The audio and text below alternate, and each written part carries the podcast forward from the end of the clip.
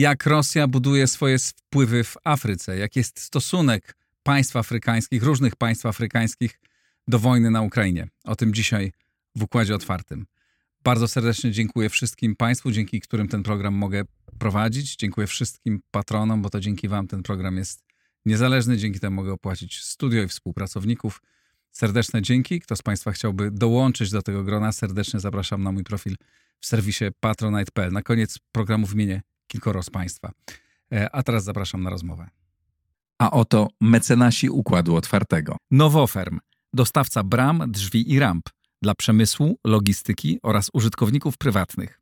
XTB, polska platforma inwestycyjna, która umożliwia inwestowanie w akcje i ETF-y bez prowizji w przypadku miesięcznego obrotu nie większego niż 100 tysięcy euro. E-Kwadrat V to polska spółka zajmująca się sprzedażą energii elektrycznej pochodzącej wyłącznie z odnawialnych źródeł. OnGeo.pl Geoportal dostarczający raport o terenie z diagnozą dowolnej działki dla właścicieli, sprzedających lub kupujących. Firma DevTalent, budująca zespoły programistyczne dla klientów z branży finansowej i cyberbezpieczeństwa.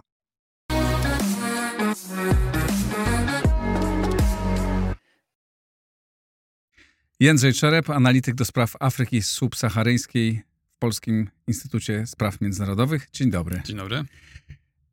Zacznę od tego pytania bardzo generalnego. Jaki jest stosunek państw Afryki do Rosji? No jest o wiele bardziej wyrozumiały i, i taki przychylny, niż by się nam wydawało, że powinien być. Przede wszystkim Rosja jest, na Rosję patrzy się jako na mocarstwo, czy no, dawniej mocarstwo większe, teraz może takie, które chciałoby znowu być mocarstwem, które nie miało bagażu kolonialnego, które w czasie y, walk wyzwoleńczych czy procesów emancypacyjnych państw afrykańskich stało po stronie ludów afrykańskich y, przeciwko mocarstwom kolonialnym, y, więc wobec którego można mieć pewien dług wdzięczności i pewien kredyt zaufania. Rosja miała dużą obecność w Afryce w czasach zimnej wojny. E, no, Uniwersytet Patricia Lumumby, Uniwersytet Przyjaźni Narodów w Moskwie, przez niego przewinęło się bardzo dużo, łącznie przez Związek Radziecki, około 40 tysięcy studentów e, afrykańskich, radiostacje, Radio Moskwa chyba miało swoją afrykańską sekcję, duża, duża obecność w wielu miejscach. Potem to wszystko się ucięło, w latach 90. właściwie nie było nic, z wyjątkiem handlu bronią, która nieprzerwanie się, nie, nie zmieniła się w, w, w, tej zmianie, ale w ostatnich latach Rosja podjęła dużą ofensywę w, na polu afrykańskim, nie tylko polityczną czy taką wojskową, tu mówimy głównie o Wagnerowcach, ale też na rzecz y, zbudowania swojego pozytywnego wizerunku, wizerunku kraju, który jest lepszym, bardziej uczciwym partnerem niż dotychczasowi tacy jak Stany Zjednoczone, Francja czy Europa który szanuje e, państwa afrykańskie, który chce ich rozwoju, a w domyśle nie chcą tego, czego specjalnie sabotują państwa, państwa zachodnie. I dotyka tym dosyć czułych strun, które, które, które, które rezonują.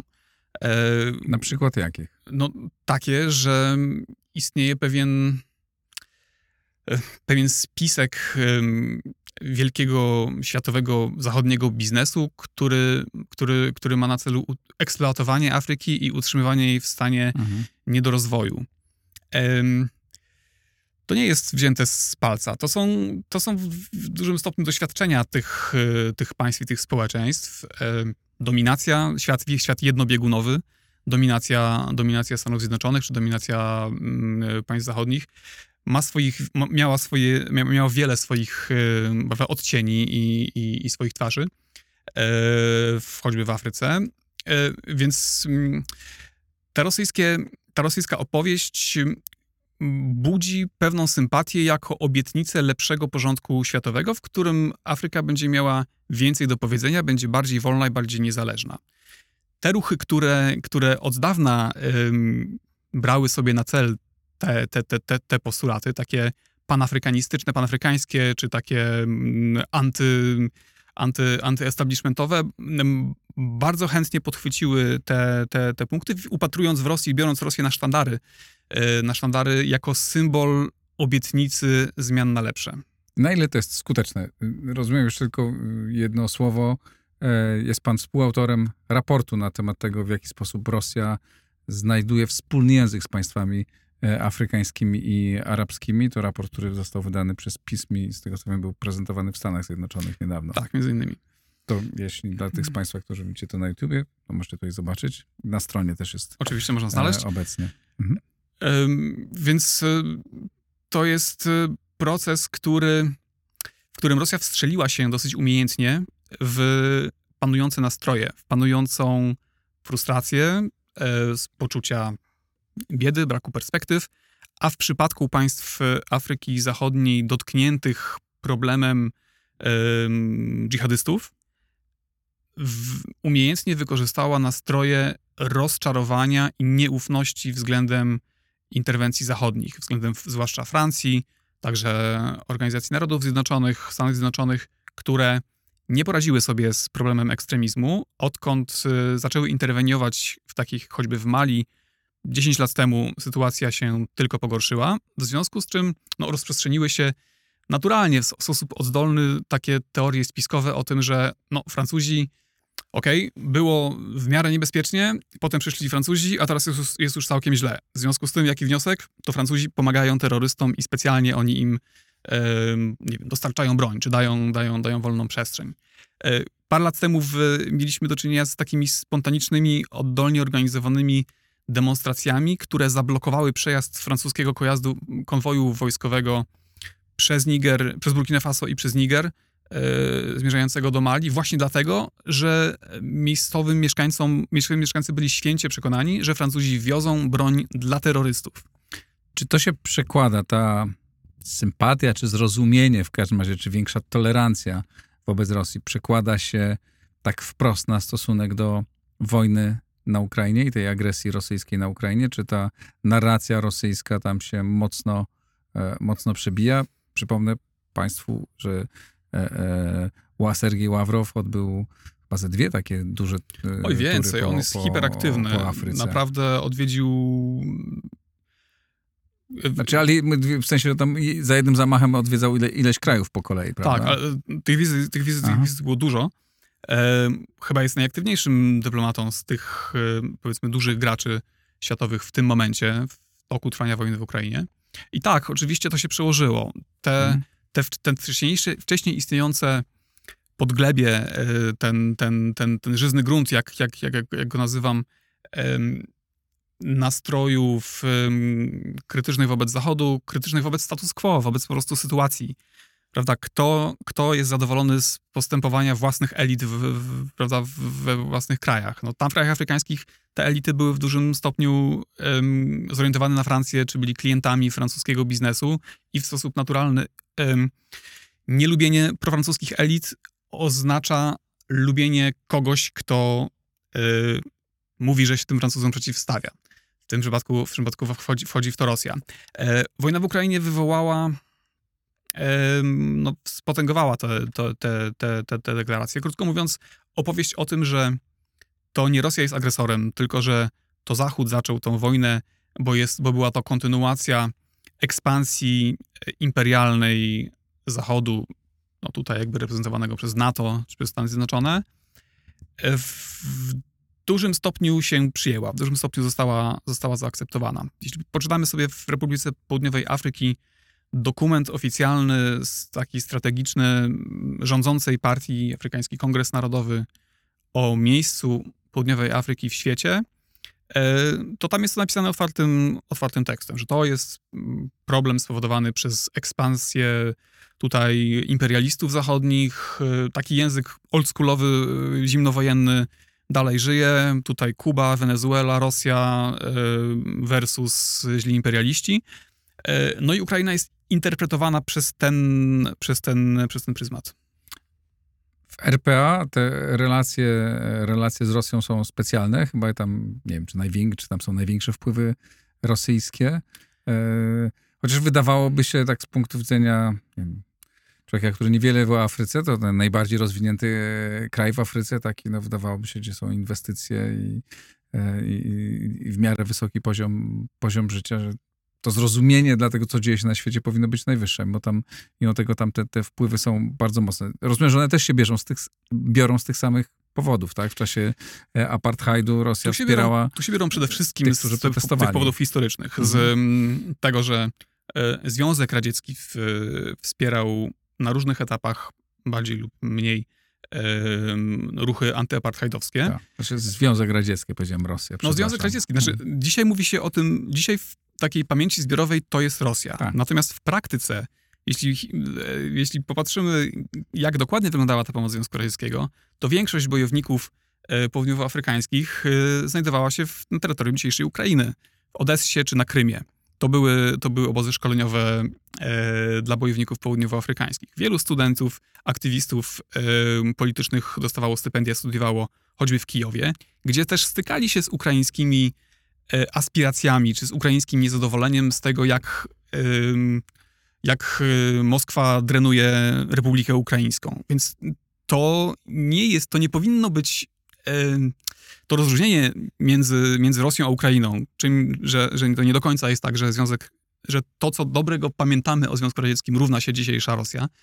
Wydawało się, że powinny być więc, większe, ale to gdzieś tam przepadło w e, pamięci zbiorowej i ten, e, ten rosyjs, sowiecki czy rosyjski charakter, czy to Kijowa, czy to, czy to Odessy, jest bardziej tym pierwszym skojarzeniem niż, niż, e, niż niuanse ukraińskie. Ale tam rzeczywiście chodzi głównie o tą pamięć i o powiązania biograficzne przedstawicieli elity. Dzisiejsza minister spraw zagranicznych, pani, pani Pandor, jej ojciec był, był znanym działaczem w latach 60., pierwszym emisariuszem e, ruchu południowoafrykańskiego do, do Moskwy. E, Pionierem na pierwsze, na pierwsze rozmowy z, e, z Rosjanami. On był w tej pierwszej delegacji. Lista jest długa. Można tu wymieniać te powiązania osobiste najważniejszych postaci w kierownictwie państwa czy, czy, czy partii rządzącej. Natomiast gdzie indziej, przede wszystkim w dawnych koloniach francuskich, ten motorem napędowym jest głównie, są głównie te nastroje krytyczne wobec Francji czy antyfrancuskie i na nich Rosja bazuje. To jest o wiele nowsza, nowsza e, historia. Tutaj Rosja po prostu wstrzeliła się, no, potrafiła wykorzystać dobry dla siebie moment, czy okno możliwości, jak to możemy nazwać. Zresztą to jest charakterystyczne dla Rosji.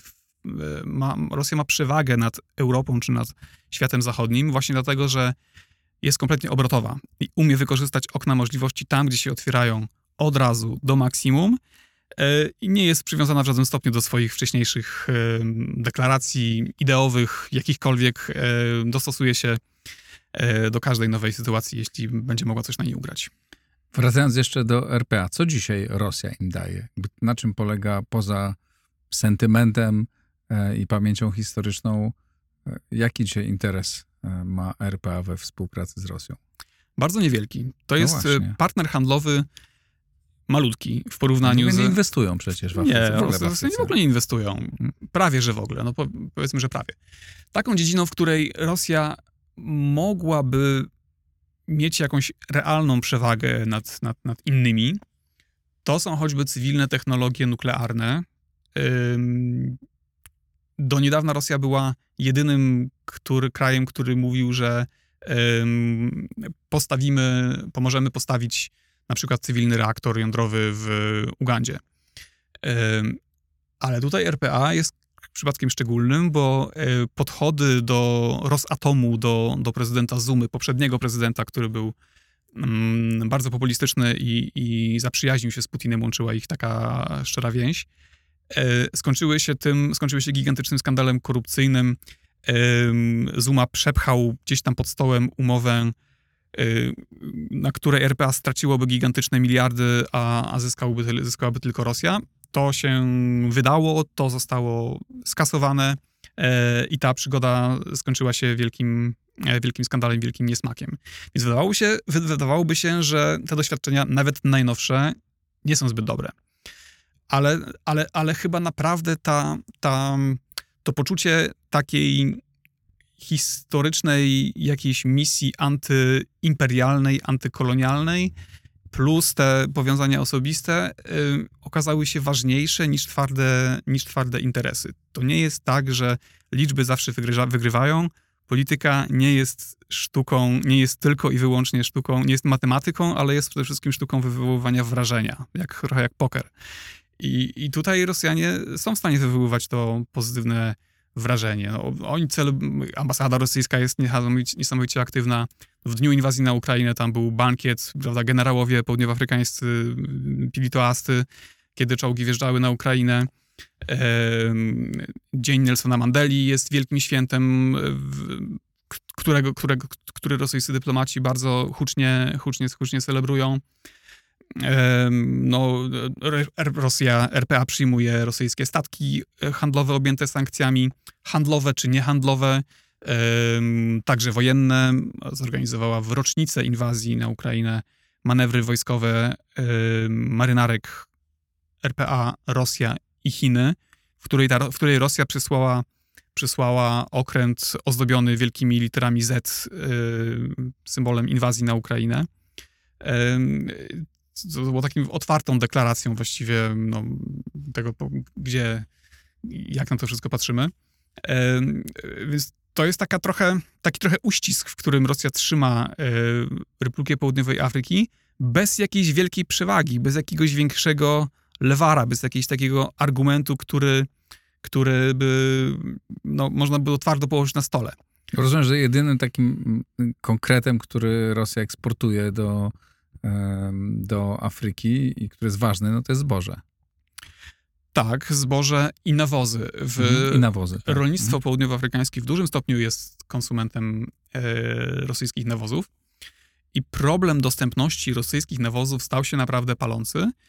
Generalnie one trochę rykoszetem dostały przy okazji nakładania sankcji, chociaż same, same nawozy nie są objęte sankcjami i teoretycznie są, są, są można, dopuszczone do wolnego obrotu, ale w praktyce z powodu prawda, z y, trudności w dostępie do systemu SWIFT, y, sankcji nakładanych na banki, jest problem po prostu ze składaniem zamówień, z płatnością za to zboże, za, za te nawozy, no i też z ich, z ich, z ich po prostu realizacją. E, więc te, ten głód rosyjskich nawozów jest naprawdę pilny. Na szybko nie da się tego czymś uzupełnić, chociaż powstały wielkie, wielkie wytwórnie, choćby w Nigerii, ostatnio, czy, czy, czy w Maroku, bo też jest, stało się takim, no, poszerzyło bardzo swoją produkcję, e, to te rosyjskie nawozy są jednak potrzebne. E, I Rosja też e, umiejętnie stosuje w tym momencie, momencie taką dyplomację nawozową. Przywożąc do krajów zaprzyjaźnionych albo takich, z którymi chciałaby się bardziej zaprzyjaźnić, samolot z zapakowanymi workami nawozów, zyskuje więcej i niższym kosztem niż Ukraina y, wysyłając statek pełen zboża. Jasne. A czy Stany Zjednoczone i Unia Europejska jakby próbują jakoś y, balansować ten, te wpływy, czy są kompletnie nieobecne i niechęć jest tak silna, że nie ma co próbować? Próbują, próbują. Y, Stany Zjednoczone zaczęły już w tym momencie grozić, czy wprowadzać pierwsze, pierwsze sankcje na RPA. Grożą im wyrzuceniem z programu E, African Growth and Opportunity Act, Opportunity Act, czyli takiego programu preferencji handlowych. Amerykanie są bardzo, bardzo zaangażowani w, w rozmowach z, z przywódcami w Libii, w Republice Środkowoafrykańskiej, po to, żeby wyperswadować im i wyproszenie Wagnerowców z tych krajów. No właśnie tam, działa, tam działają bardzo tak. intensywnie. Intensywnie działają w Libii, w Sudanie, w Republice Środkowoafrykańskiej i w Mali. E, być może też w Burkina Faso, to kolejny kraj, który dokonał przewrotu wojskowego, czy, czy takiej, takiej, takiej, takiej, takiej pararewolucji pod rosyjskimi flagami i z, no to sceny były niesamowite w ubiegłym roku, kiedy na ulicach Ouagadougou mieliśmy czołgi ONZ-owskie, na których stali żołnierze właśnie z Burkina Faso, machając flagą rosyjską i, i, i zgromadzony tłum skanduje Rosja, Rosja. Pomimo tego, że doświadczenie ich sąsiadów, Republiki Mali, z rosyjską interwencją Wagnerowców, z naszej perspektywy wygląda na, na, na bardzo złe. Tam przemoc względem cywilów wzrosła niepomiernie. Rosjanie najpierw strzelają, potem pytają się, jak się kto nazywa. W tym samym czasie, kiedy miała miejsce masakra w Buczy, w Mali, w miejscowości Mura, miała miejsce podobna masakra, czystka do, przeprowadzona w miejscowości, gdzie wszyscy zostali zbiorowo oskarżeni o, o sprzyjanie e, dżihadystom. Tam jest też wątek etniczny, to jest taka społeczność, grupa etniczna Fula, Fulanów, która jest zbiorowo, kolektywnie uznawana za, za z, grun, z góry podejrzaną i z góry winną i Rosjanie, krótko mówiąc, przyłączyli się do, do, do, do ataków na, to, na, to, na tą społeczność. W efekcie jest tam o wiele więcej przemocy, o wiele więcej ofiar cywilnych i o wiele więcej chętnych do tego, żeby zasilić szeregi dżihadystów, bo się bronią przed Rosjanami. E, więc wynik rosyjskiej interwencji w Mali po roku czasu, z naszej perspektywy, wydaje się być kompletnie nieudany i zły. Tymczasem ich sąsiedzi, Burkina Faso, domagają się Rosjan, chcą Rosjan, pragną ich właśnie dlatego, że wydaje im się, że oni w Mali zrobili dobrą robotę i, i, i to było, to było, to było ok. A rozumiem, że grupa Prigozina, czyli grupa Wagnera zarabia nie tylko na walce, ale też na wydobyciu złota e, i, i, i nie wiem, czy diamentów też. E, E, Też, no to, to się mhm. roz, portfolio się rozszerza. To, to... A, na czym oni zarabiają? Znaczy poza, poza wydobyciem to, to dosyć proste. Jakby jak oni wysyłają swoje jednostki, to kto, kto za to, kto jest ich kontrahentem? Są generalnie trzy źródła, źródła tych dochodów. Po pierwsze są to kontrakty z samym państwem przyjmującym lub w przypadku Libii ze, ze stroną jakby takim państwem równoległym generała Haftara. E, jest to kontrakt na, na, na po prostu no, pensję czy, czy, czy na pieniądze przekazywane do, do, do firmy Prigozina. Drugim, z tego oczywiście pojedynczy żołnierze dostają mniej niż sam Prigozin, w związku z tym, żeby im to wynagrodzić, mają otwartą ścieżkę do tego, żeby samemu sobie zarobić na miejscu, zdobywając, zdobywając łupy czy też eksplo, czy, czy eksploatując, czy eksploatując em, zasoby naturalne, przede wszystkim kopalnie złota i diamentów. E, I to jest taki pakiet, to jest taki model wypracowany w Syrii. Tam, kiedy Rosjanie, Wagnerowcy no, mieli za zadanie e, przejmować instalacje naftowe, które wcześniej były w rękach państwa islamskiego, w zamian za późniejszy udział w zyskach z ich eksploatacji. Chyba jedna 30%, jeśli dobrze pamiętam, E, zysków miało później iść e, do Rosjan. I w gruncie rzeczy Prigozhin oferował podobny deal w każdemu z państw afrykańskich, do których, do których wchodził. Ratował skórę przywódcom, których władza była chwiejna i którzy nie kontrolowali swojego terytorium, którzy byli no, w poczuciu zagrożenia i którzy mogliby, który, który, których wiatr mógłby zdmuchnąć e, lada chwila.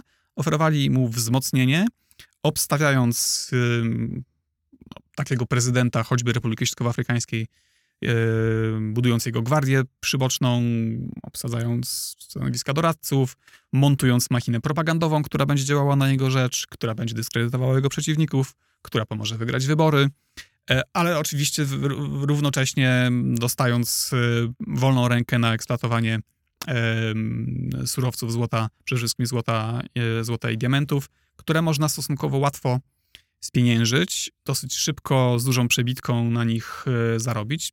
Przede wszystkim wysyłając je do Zjednoczonych Emiratów Arabskich. Dubaj niedawno podświetlał w kolory rosyjskiej flagi najwyższej wieżowiec świata Burj Khalifa. Nie jest to przypadkowe. Dubaj jest największą pralnią brudnych pieniędzy yy, zarabianych w Afryce przez Rosję i tego złota, które, które, które, tam jest wy, wy, wydobywane.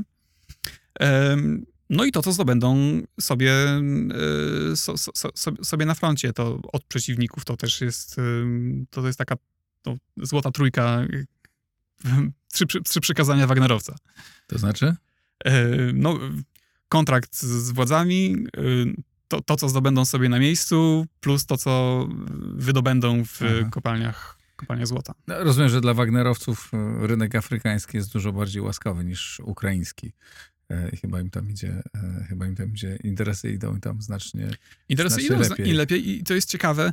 Wydawałoby się, że w momencie, kiedy wybuchną, wybuchła wojna, wojna w Ukrainie, kiedy Rosjanie zaczęli wpadać w coraz większe kłopoty w Ukrainie, kiedy no, chyba wszystkie ręce z punktu widzenia rosyjskiego były potrzebne, żeby, żeby prawda, na froncie ukraińskim, to wydawałoby się, że te egzotyczne czy trochę ekstrawaganckie eskapady afrykańskie, okej, okay, no ktoś powie, no dobra, może, nie, może, może, może wrócimy, może później, teraz wszyscy na Ukrainę.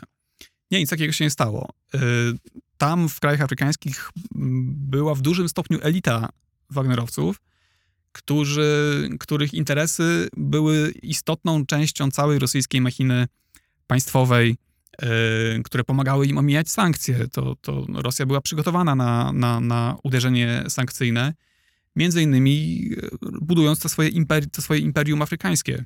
Zresztą nie tylko w dziedzinie surowców, ale też, też, też medialnej.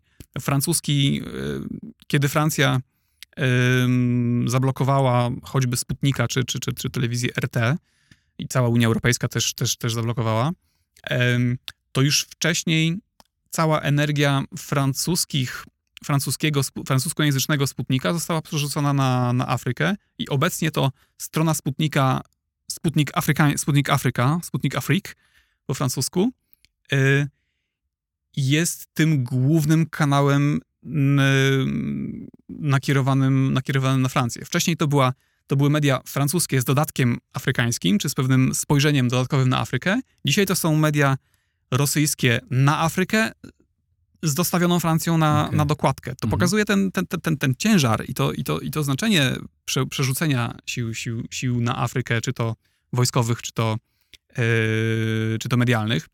Yy, no, telewizja RT ostatnio otworzyła swoje biuro w Johannesburgu. Tam produkują e, programy nastawione do, do odbiorcy anglojęzycznego, które są dystrybuowane na TikToku. TikTok jest nowym, ulubionym narzędziem, o ile Facebook wykosił te, te, te rosyjskie sztuczne konta czy, czy, czy, czy, czy, czy propagandę e, w takich regularnych prawda, czyszczeniach. Twitter pod rządami Maska już nie, ale wcześniej tak. Y, ale TikTok jest nowym, niekontrolowanym. Jaki możemy mieć wpływ na to, co, co jest mhm. na TikToku? To, to, to w tym momencie stało się nowym, ulubionym narzędziem. Czy rozumiem, że zwłaszcza w tym w czasie wojny y, ta ofensywa afrykańska, rosyjska ofensywa w Afryce służy z jednej strony omijaniu sankcji, zarabianiu kasy, ale również E, to jest dobrym kanałem e, szerzenia swojej propagandy i w Afryce, ale via Afryka do świata zachodniego. Tak, swojej, no, swojej propagandy, swojej, swojej wizji świata. No, ostatnio była wizyta mm, partii, delegatów partii Afrykański Kongres Narodowy z RPA e, w partii Jedna Rosja w Moskwie, gdzie wspólnie przez, na kilkudniowym takim warsztacie debatowali, omawiali, dostarczali wizję E, nowego porządku światowego po zwycięstwie rosyjskim. E, do bloku BRICS, który w ostatnich latach przygasł i stracił werwę, obecnie chce się zapisać 20 kolejnych państw tak. globalnego południa. E, chociaż też Meksyk, czy, czy nie czy Meksyk zależy do południa. Ale w tym umow, umownego, tak. tak. Więc ta wizja, ta perspektywa, że oto toczy się taka wielka wojna pomiędzy porządkiem jednobiegunowym amerykańskim, a nowym, bardziej równym czy bardziej demokratycznym, wielobiegunowym, e, jest nośna i, ona, ona zyskuje, zyskuje popularność i, i uznanie. Biorąc pod całą Afrykę pod uwagę, czy wpływy rosyjskie są dzisiaj silniejsze od wpływów e, zachodnich, jeśli chodzi o przynajmniej percepcję wojny na Ukrainie? Zależy jak patrzeć. Niewiele jest obiektywnych badań, które pokazują, mhm. co naprawdę myśli zwykły człowiek. W RPA takie badania były, które pokazały, że około 80% yy, potępia agresję rosyjską i sympatyzuje z ofiarami ukraińskimi. Około 10% yy, myśli odwrotnie. Aha. Ale jeśli już popatrzymy na liderów opinii, na najbardziej głośne i widoczne postaci, które nadają ton debacie, Tutaj to odchylenie prorosyjskie jest, yy, dominuje. Mówi pan o RPA, czy o całej, o całej Afryce? Afryce. Mało jest takich uznanych autorytetów y, postaci no, które, które mają szeroki, szeroki posłuch, które by były otwarcie proukraińskie. Jest pewien problem z tym, żeby być otwarcie proukraińskim w debacie afrykańskiej. Yy, sporo złego zrobiło tutaj wspomnienie ewakuacji, chaotycznej ewakuacji afrykańskich studentów, którzy studiowali w Ukrainie i którzy spotykali się z niestety sytuacjami um, ataków rasistowskich ze strony czy to kolei ukraińskich, czy to urzędników ukraińskich, czy to też zwykłych osób. E, jakkolwiek by to nie było rozdmuchane propagandowo, fakt faktem, że takie, takie doświadczenia wyniosło wielu z nich i, i zawieźli je później do swoich krajów pochodzenia. Trudno jest oczekiwać, i, i w, tych, w, tych, dyskusjach, choćby w mediach społecznościowych, to, to widać wyraźnie. Kiedy pojawia się głos proukraiński, od razu jest odpowiedź, czemu mamy z nimi sympatyzować, skoro oni nie sympatyzują z nami. E, skoro oni nas nie szanują, czemu mamy. To nie jest nasz problem, to nie jest nasza wojna, to nie są nasi, yy, nasi, nasi ludzie. Yy, a głosy prorosyjskich aktywistów są, są, są, są nośne. Oni mają swoje, mają swoich, swoje, swoich, swoich fanów. I chociaż ich głównym, głównym motorem działania jest coś innego niż Rosja, to doklejona Rosja do opowieści antyfrancuskiej czy antyimperialnej no jest przemycana i, i, i gdzieś tam zasiana. Czyli e, Rosja w Afryce jest propagandowo dużo bardziej skuteczna niż w całym świecie zachodnim. Tak, jest skuteczna i nie bardzo wiadomo, co z tym zrobić. No to, to jest niezliczone jakby narady i prawda, konferencje nad tym debatują, jak skutecznie odpowiedzieć na rosyjską ofensywę informacyjną e, w Afryce i nikt do tej pory jeszcze nie znalazł dobrej odpowiedzi. No, Francuzi próbują robić to samo co Rosjanie, czyli wpuszczać swoich troli, swoje, swoje fałszywe konta e, po to, żeby one tam się tłukły z tymi rosyjskimi. To była zresztą śmieszna sytuacja, kiedy poprzedni, przy poprzednich wyborach w Republice Środkowoafrykańskiej mieliśmy tak naprawdę do czynienia z kampanią, która kręciła się wokół wojny botów. Wojny, rosyjskie boty e, jakby wchodziły w dyskusję i vice versa z francuskimi botami. A te francuskie boty były zatrudniane przez y, francuski rząd? Tak, tak, tak. I jedni i drudzy oskarżali się wzajemnie o bycie botami, co, co było e, dosyć zabawne. Później A rząd francuski się przyznawał, przyznał się do tego, że to... Poniekąd oni... tak, poniekąd mhm. tak. Później Facebook wy, wy, wy, wykosił jednych i drugich jedną miotłą. Macron ostatnio w takim, takim wystąpieniu programowym o nowej, odświeżonej strategii francuskiej w Afryce no, mówił otwarcie o tym, że nie będziemy biernie przyglądać się, jak Rosja nas wypycha z y, naszych przyczółków, y, też w zakresie walki o serca i umysły. Ale póki co tak się dzieje. Póki, póki co tak się dzieje. Wypycha. Niestety tak, chociaż wydaje się, że, że osiągnęła już Rosja chyba szczyt swoich możliwości. W sytuacjach, kiedy Rosjanie przegrywają na Ukrainie, ci nawet, ci, no, ci ich nowi sympatycy nabierają wątpliwości i zaczynają, e, robią krok w tył. Tak było w przypadku e, ucieczki spod Hersonia.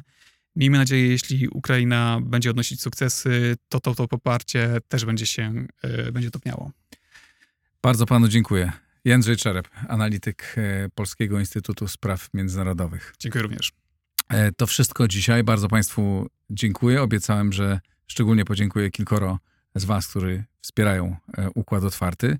Łukasz Pecio, Katarzyna Buchłak, Tomek Baran, Dominik Wojtkiewicz, Andrzej Bocheńczyk. Serdeczne dzięki. E, to dzięki Wam ten program może istnieć, dzięki Wam jest niezależny. Pozdrawiam serdecznie, do następnego razu.